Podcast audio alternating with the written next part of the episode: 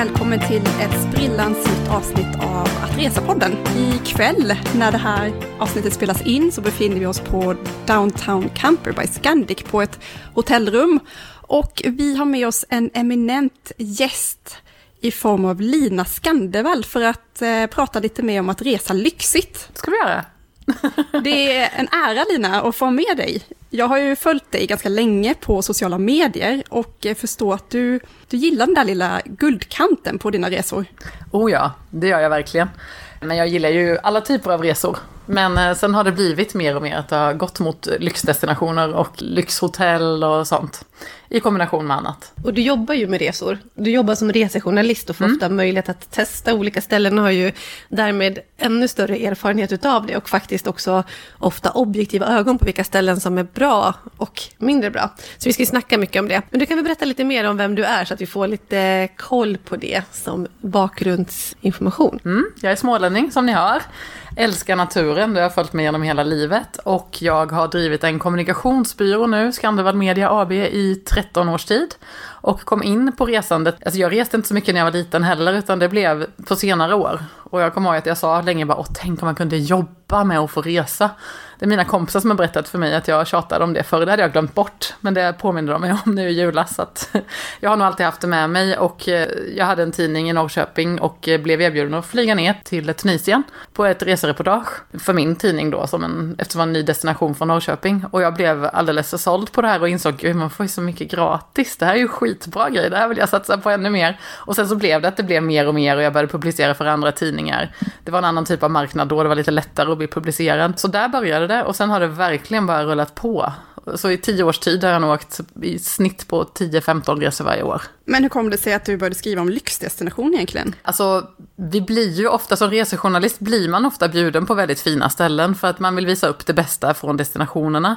Jag har skrivit för den typen av magasin och sen har jag också startat ett magasin, ett digitalt lyxresemagasin som fanns i Danmark och jag gjorde den svenska upplagan där. Så då fick jag en väldigt stark stämpel på mig att det var sånt jag jobbade med och då började liksom alla turistbyråer och sånt se det här och bjuder in mig ännu mer. Så det blev liksom en, en lyxloop. så det blev mer och mer resor. Men om vi går tillbaka från början med det här lyxbegreppet som vi faktiskt mm. ska, det är det som är temat för hela avsnittet nu. Det är ju så mycket mer än bara resorna. Vad innebär det begreppet överhuvudtaget? Vad är lyx för dig? Alltså, det är ju ett extremt subjektivt begrepp måste jag säga.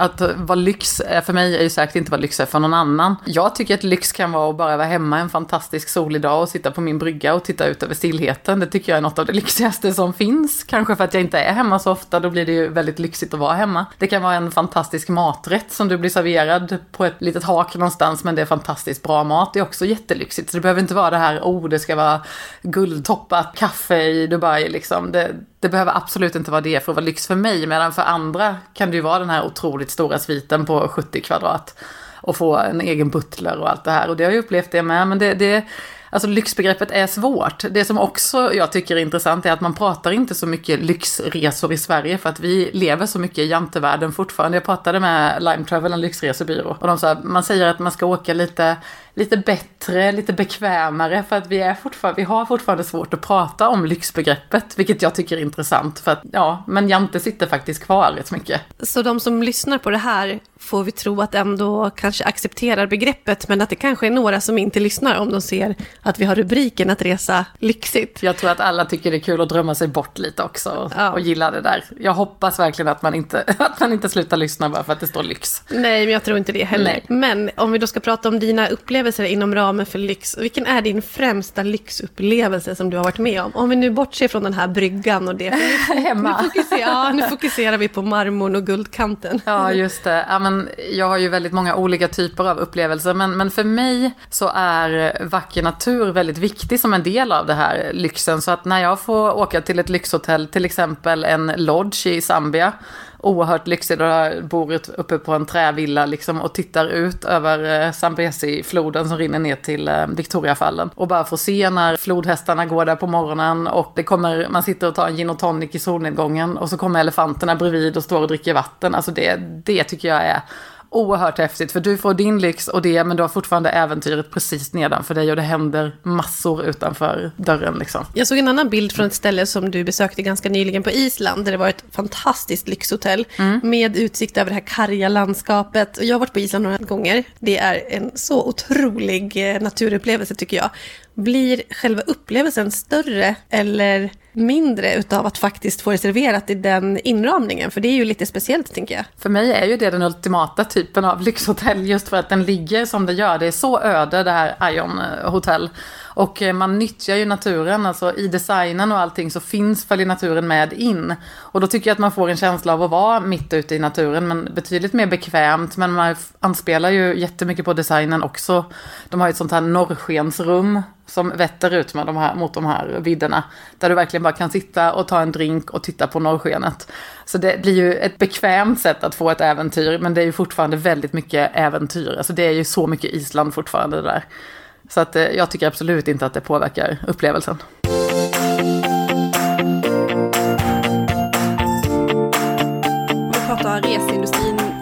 Kan du se att det går några trender i lyxresor? Och i så fall skulle jag vilja veta vilka de trenderna är just nu. Ja, det finns det absolut. Det som man pratar rätt mycket om nu är att det är många som väljer bort hotell och som satsar på villor istället. Lite större villor så att det inte bara är familjen utan kanske är släkten till och med.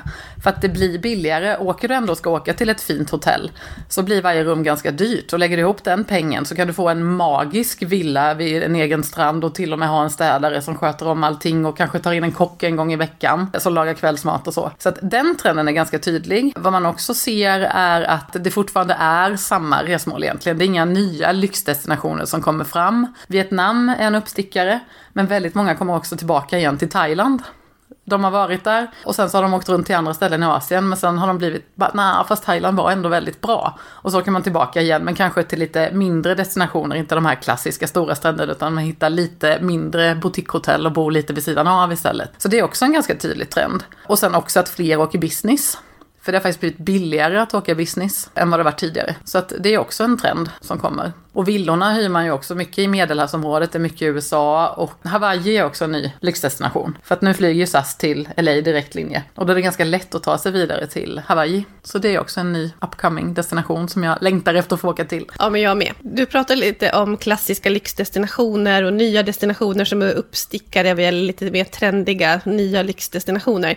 Men jag tänker ändå på att när man pratar lyxdestinationer så blir det mycket de här gamla klassiska Maldiverna, Seychellerna, Mauritius. Alltså, jag kan inte skilja den ena från den andra, men det är, mm. om jag tänker lyxdestinationer så ser man framför sig de här atollerna och de här bungalowsen som ligger i vattnet på pålar och så vidare. Förtjänar alla de här ställena sin lyxiga stämpel och är det de som är den ultimata lyxen? Eller? Det är så olika. Det är många som älskar Aruba till exempel för att de har fantastiska stränder och man tycker det är jättelyxigt. Men det handlar ju också om hur mycket man har rest och vad man har sett innan. Men när man har varit runt på alla de här, jag har varit i Bora Bora till exempel. Det var ju där man började bygga de här villorna över vattnet. Och sitter där och man öppnar en lucka så kan man mata fisken på natten från sängen. Liksom, det är ju galet. Det är nog det ultimata, vackraste lyxdestinationen jag har varit på. Otroligt dyrt och lång väg att ta sig dit. Men jag tycker det var värt det. Ska man sen ta Mauritius, Seychellerna och Maldiverna som väldigt många pratar om och som vi svenskar ändå åker till ganska mycket, ofta med ett litet hopp till Dubai, man är där i några dagar och sen åker man vidare ner. Och där är ju min klara favorit Seychellerna, måste jag säga. Mauritius är ju lite mer av ett land ganska skitigt. Alltså man får leta efter de där riktigt fina stränderna. Alltså destinationer marknadsförs ju alltid med vackert väder, fint, vackra stränder. Och eh, på Seychellerna slipper du leta efter dem vädret är väldigt varierande, det ska man säga i alla de här länderna. Det är tropiskt klimat. Det regnar, men det regnar bort ganska snabbt också. Seychellerna skiljer sig i och med att det är så grönt också. Och det finns så mycket att göra, det är många småöar och eh, otroligt vackra stränder. Medan Maldiverna, där är det ju mer hotellresorts på de här atollerna och det är hotellen man är på. Och njuter av dem. Det är fantastiska hotell men det är ju, då är det kanske lite mer vattensport och sånt. Men honeymooners som tycker om att testa hotellsängar, de kan få vara på Maldiverna.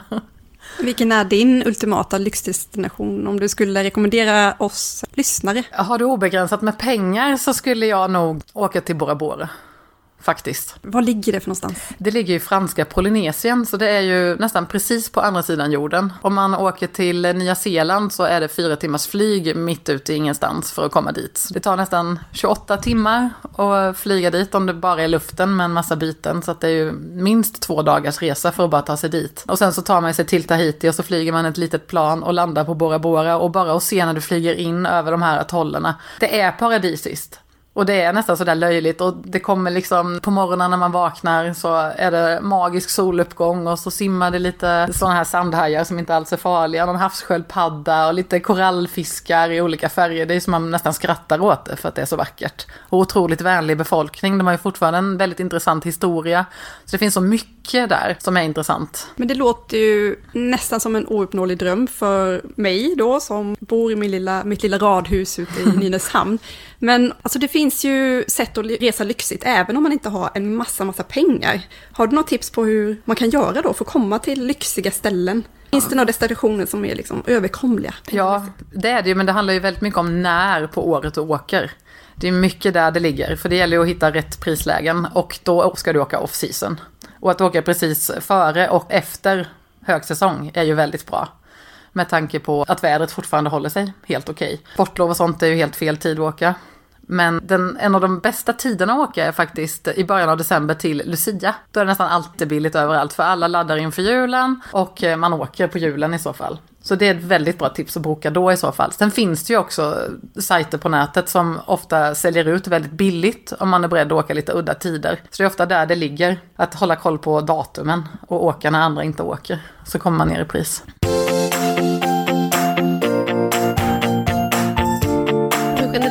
Ska ju ha väldigt mycket pengar egentligen i allmänhet för att komma iväg på de här resorna, även om man kommer ner lite i pris av de här tipsen som du nämner. Men vilka målgrupper vänder man sig till egentligen och vad är det för klientel på de här ställena? Målgruppen om vi tar i Sverige så är det faktiskt typ till 60 procent så är det barnfamiljer som åker. Och annars är det mellan 35 och 55 i åldern som brukar vara målgruppen. De äldre väljer ofta lyxiga kryssningar istället. Och då pratar vi inte om de här stora kryssningarna med 4000 pers, utan man går ofta ner till ungefär 200-300 så att det blir lite mer personligt, man stannar på fler ställen. Och den, den trenden är också väldigt stark. Tågresor är nästan i princip nada. Det är väldigt få som väljer tåg trots miljöaspekten. De få som väljer det, är också, då är det också pensionärer som väljer det. Ja, men vilket klientel det är på ställena? Jag tycker det varierar enormt. Åker man på de här top notch lyxställena så visst, det kan finnas eh, kändisar där. Jag var på Kempinski i Istanbul för ett tag sedan. Och där är det väldigt mycket kungligheter som bor och nästan alla har en skyddsvakt och går efter. Så man, även om man inte vet vilka de är så förstår man att här är det ju folk som verkligen har mycket pengar mm. och som trivs där. Och det är ju också väldigt kul att bara sitta och titta för de har ofta fantastiska kläder på sig. Men, men jag tycker det är väldigt sällan du ser den typen av klientel. Är man där, det det handlar om är att man får vara i fred. Du har din integritet överallt. Du blir inte störd. Även om det skulle sitta en kändis precis bredvid dig så är det ingen som, man låter varandra vara. Och jag tror det är lite det man köper också när man åker till ett lyxhotell. Att få vara i fred och få det mer bekvämt. Men kan du ändå uppfatta skillnader? Ser du att svenskarna beter sig på ett annat sätt under sina lyxresor? Amerikanerna är på något sätt och japanerna är det samma skillnader på den typen av resor som man kan se annars? Annars, precis. Eh, ja, det är det nog faktiskt. Vi är väldigt olika och det pratas ju mycket om det i branschen också, hur, hur man skiljer sig. Svenskar är ju väldigt tacksamma. Vi nyttjar kanske inte allt det här som man kan. Det finns ju kuddmenyer och allt möjligt, butlertjänster och det märker jag ju själv hur jag är. Även om jag vet att jag kan nyttja det här ganska hårt så gör jag ju väldigt sällan det. Jag är nöjd. Det var så fint hotell i alla fall. Medan jag vet hur många andra maximalt nyttjar allting. Och nu ska jag inte hänga ut några kanske nationaliteter, men visst, visst skiljer det sig enormt mycket. Men om vi ska djupdyka lite grann i det vad gäller hotell och vad som gör hotell lyxiga. Vad är din uppfattning om det? Vad är det som gör att det är lyxigt förutom att det är vackert och påkostade material? Jättemycket om service. Jag tycker att ett hotell kan komma ganska långt på, på att ha bra service och där tycker jag också det skiljer sig väldigt mycket. Här i Sverige just nu tycker jag det går en trend om att man ska vara tjenis med alla bara åh kul att det är första gången du kommer hit, vad roligt. Ja men mycket mer så. Ja, man ska vara kompis och man ska känna sig bekväm är väl tanken men jag tycker att man har inte riktigt fått den rätta touchen i Sverige. Jag har faktiskt till och med hållit utbildningar i det här till hotellkedjor för att man jobbar på ett helt annat sätt på andra lyxhotell där du fortfarande känner den här vänskapliga touchen men det blir aldrig det här påstridiga som det nästan kan bli i Sverige. Det här är det nästan bara, ja men du och jag är vänner, hallå tjejen och sånt. Och det, det är inte rätt, utan där är det mycket mer vördnadsfullt, men ändå så du inte känner dig konstig på något sätt. För jag tror det är viktigt, även om jag kommer in som en vanlig människa som testar ett lyxhotell för första gången, ska ju inte jag känna att jag inte hör hemma där. Utan du ska verkligen känna att du blir bekväm direkt och du får den service du vill ha och alla är hjälpsamma på ett bekvämt sätt. Är det något hotell som du har bott på som sticker ut vad gäller lyxigheten? Väldigt många. det är det faktiskt. Seychellerna bodde jag på Banyan Tree på en av öarna och det hotellet ligger ju helt, du har en egen villa med en egen infinity pool. Du har utsikt över havet och eh, från eh, duschen, från sovrummet, du ser alltid havet med stora panoramafönster ut. Och eh, du har eh, en stor soffgrupp och allting sånt. Och de flesta som bor där, man lämnar knappt sina hus, utan man tar room service hela vägen och bara njuter. Där bodde Leonardo DiCaprio samtidigt som jag till exempel. Men de hyr ju stora villor och så är man där ett gäng och flyger dit en massa folk och bara har kul och får vara där i fred. För det är fortfarande den här integriteten som du får. Och det var en mycket speciell upplevelse och väldigt synd att jag var där ensam. På tal om att resa ensam som du berättar här.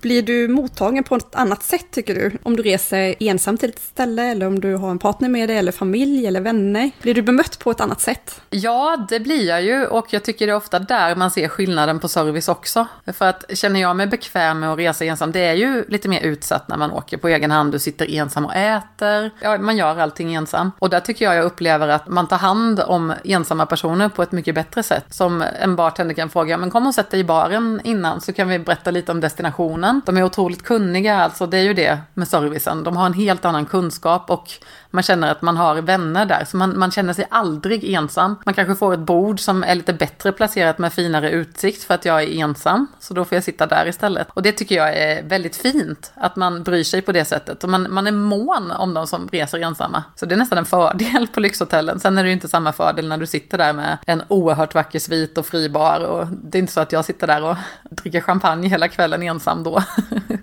då går jag och lägger mig tidigt och sticker upp och springer nästa dag istället. Är det något särskilt som man ska tänka på? Typ hur man klär sig, hur, eller hur jag ska föra mig? Finns det några hemliga koder som är värda att känna till? Jag tycker ändå, är man på ett lyxhotell så tycker jag det är roligt att klä upp sig lite mer. Det är absolut inget krav och det är många som klär sig i utslitna linnen och shorts. Det är inga konstigheter heller. Och alla blir behandlade på samma sätt. Så det tycker jag inte att man behöver tänka på så. Däremot så tycker jag att just det här med integriteten, att det är lugnare på de här lyxhotellen. Det är en annan typ av eh, känsla.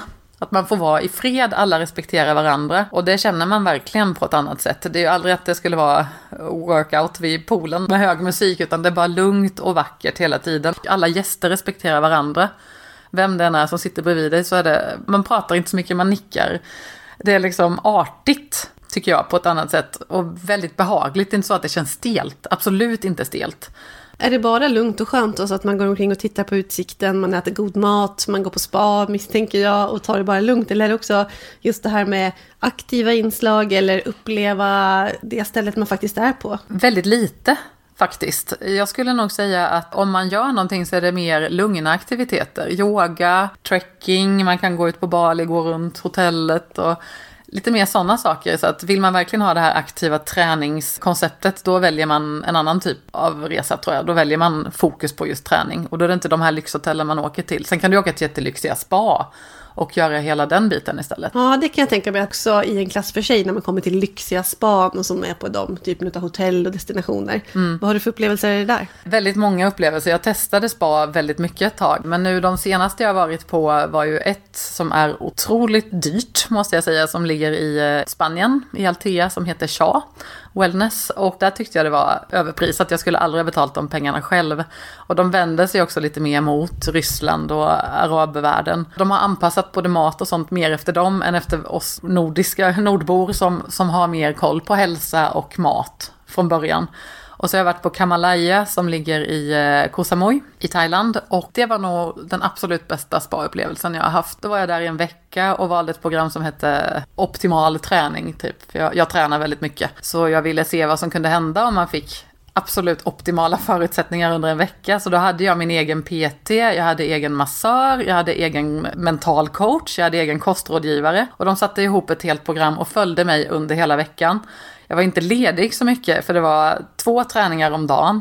Och sen olika massage då som gjorde att jag klarade att träna en gång till. Det var olika typer av bastu, allt för att följa min utveckling hela veckan. Jag kände dessutom att det förändrade mig det är ju sällan man gör annars på spa, det är en quick fix. Man är där i två dagar och bara gud nu ska jag fortsätta mitt nya liv. Men det gör man inte. Men där kände jag att det faktiskt blev en förändring. Och plus hur kroppen bara sprutade av energi efter att ha ätit kanonbra mat som är perfekt anpassad efter min kropp, mina förutsättningar, min träning. Så det var ju fantastiskt. Och plus att de hela tiden har koll på en, ska, vad man ska ha på sig och sånt. För det är också väldigt, man är väldigt utsatt när man är på spa. När man ska, jaha ska jag ha någonting på mig när jag ska på massagen eller hur funkar det? Så försatt mig i mest udda situationer situationer ibland när man har varit på olika spa. Men här var de oerhört tydliga och hade koll på mig ja, från, från morgon till kväll. Kanske inte går att svara på, men på ett ungefär, vad kostar en sån upplevelse? Ungefär 50 000 tror jag för en vecka. Mm. Men då blir man också en helt ny människa. Ja, ja, alltså det är faktiskt, jag skulle absolut kunna åka dit privat med för att det är sån förändring jag längtar dit, bara jag ser bilder så suger det i hela mig. Att jag vill tillbaka för det fick mig att må så otroligt bra.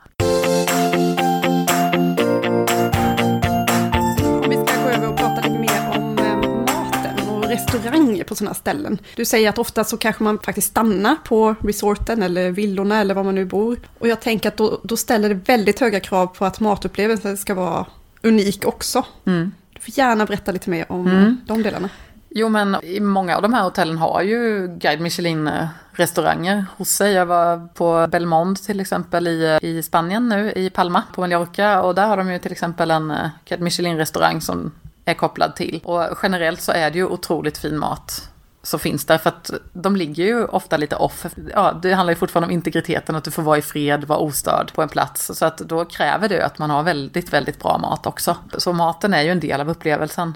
Helt klart. Och ofta väldigt mycket fokus på mer hälsosam mat. Det är inte det här hamburgare och, och pommes, utan det är väldigt fin mat och ofta nyttig mat. Menar du att det inte är nyttigt att äta hamburgare och pommes frites? det en... tycker jag det är ibland.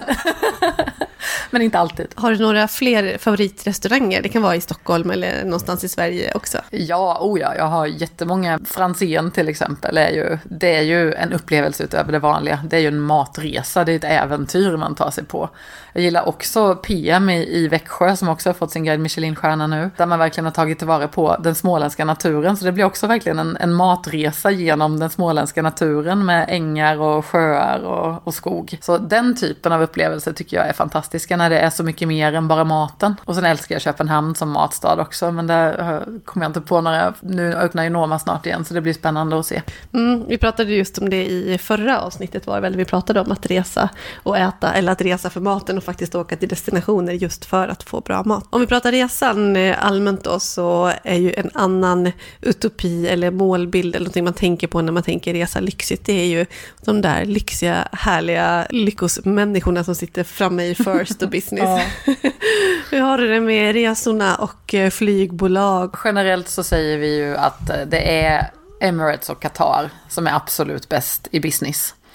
Och det handlar ju om att de har så pass hög standard så att de blir inte lika intressanta i first class för att det är så pass hög standard i business så att man inte är beredd att betala de enorma summor det faktiskt kostar att välja first class istället. Sen så vad gäller first class så är det ju Air France som är absolut mest hyllad. Och där är det ju, du har ju liksom service hela vägen ut, du behöver inte träffa någon annan människa för att du man checkas in på, på speciellt sätt. Du går in på en annan del av planet och eh, får så otroligt fin service. Det är framförallt mat och viner som är magnifika. Och det är ju det som skiljer väldigt mycket med. Och sen självklart är det ju otroligt skönt att kunna fälla sätet och ha ditt eget lilla rum. Flög ner till Panama med eh, Air France nya business och då, då, då sitter man ju verkligen, du kan ställa din väska, man kan sova och det är så pass brett så att man liksom kan lägga sig på sidan och sova. Så man kommer ju fram utvilad och det är ju otroligt mycket värt. Och det är nästan lite jobbigt när man får testa och sen sätta sig i ekonomi igen, för det är ju så bekvämt det här. Jag tänkte just precis på det som du sa, den sista meningen där, att det är nästan lite jobbigt att komma tillbaka sen. Mm. För reser man så här lyxigt, ofta, du har det som en del av din vardag, hur är det egentligen att komma tillbaka till verkligheten? Kan du uppskatta och resa med ett lågpris på lag, du hittat jättebilliga biljetter med tjejkompisarna och så reser du till en ganska vanlig europeisk storstad, går på ganska vanliga restauranger. Blir du inte värsta deprimerad av det? Eller nej, hur, hur, nej, det blir jag inte. kan du bli skadad av att resa lyxigt? Det blir man.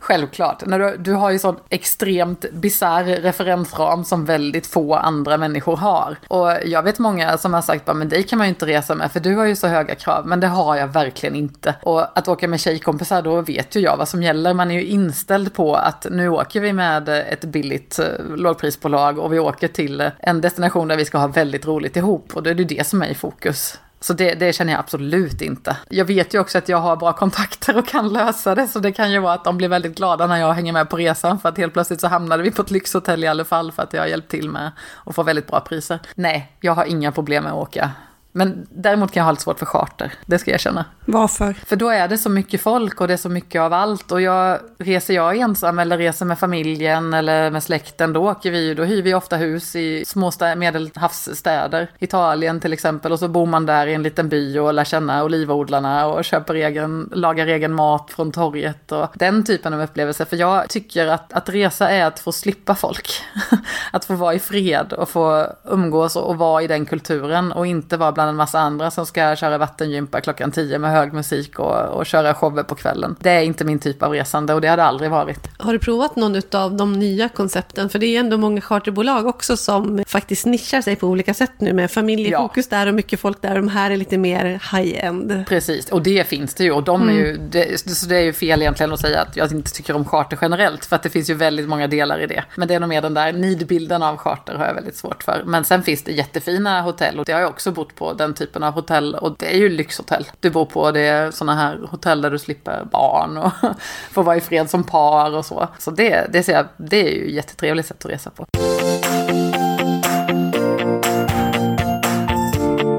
Men när du berättar om alla de här upplevelserna som du har fått i din roll som resejournalist, går det verkligen att skriva objektivt för dig du kommer till ett lyxhotell och blir serverad den här goda maten och fina rummen. Hur ska du kunna skriva något annat än att det är fantastiskt? Det handlar ju om referensramar. Att eh, jag har sett så många olika hotell så då kan du börja se nyanserna emellan dem. Jag blir inte överlycklig för att det står en butler och säger bara hej, vill du ha kaffe imorgon bitti, hur vill du ha ditt kaffe och när vill du bli väckt? Även om det är det är ju en bisarr upplevelse, men det handlar nog väldigt mycket om att man är så luttrad i sitt jobb också. Man har sett så mycket, så då blir det, då ser man en annan typ av nyanser. Det är underbart, men, men tyvärr så blir den hemskt nog en typ av vardag det också. För det är mitt jobb och jag ska se de här sakerna. Så jag kan ju själv tycka att jag får ju mer kickar av att resa till små destinationer och åka till bed and breakfast som är charmiga. Och det säger rätt många resejournalister som jobbar på samma sätt som jag gör. För att man blir, det blir för mycket av det goda. Man vill ha det lite enklare och få bo mer spartanskt. Så det blir liksom som en ja, motståndsrörelse i hela kroppen eh, när man har rest mycket så här. Att man, man vill uppleva till exempel Island och bo lite enklare och se äventyret. För det är det som lockar istället. Och det är faktiskt så att du, du bor på landet. Ja. Och eh, jag följer dig på Instagram. Sandevall hittar man dig på. Och det är ju lika mycket bilder från när du bara fångar soluppgången nära Göta kanal. Och sen kan nästa bild vara från en eh, pool med vacker utsikt i någon europeisk storstad någonstans och du har guldbaddräkten på. Vilket föredrar du egentligen? Ja, jag föredrar ju landet.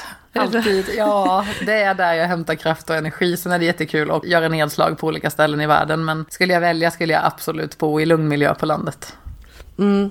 Vi tänkte faktiskt att vi ska avsluta med att testa dig lite grann här. Mm. I lite snabba frågor. Och den första har du nästan svarat på. Men ändå om vi drar det lite grann lite mer till sin spets. Norrköping eller Dubai? eh, Norrköping. Jag älskar Norrköping. Jag tycker det är en fantastisk stad med väldigt mycket att upptäcka och väldigt vacker natur runt omkring. Löpartights eller guldbaddräkt? det är ju löpartightsen alltid. Jag älskar att springa och det är min idé som har en guldbaddräkt på sig tycker jag. Att dra på sig löpartightsen på morgonen och ut och springa i naturen. Pingviner i Kapstaden eller islandshästar på Island? Oh, den är svår. Det är mina två absoluta favoritdestinationer. Och, eh, jag tycker ju det är coolare med pingviner än med hästar, så det blir Kapstaden och pingviner. Nästa fråga. Svalka dig i turkost hav i Karibien eller ett morgondopp i en solvarm insjö i Sverige. Ni spelar ju bara på mitt land hela tiden. Ja, det blir ju insjön i Sverige. Eh, det blir det faktiskt. För att det är så få dagar som man verkligen har en soldränkt sjö.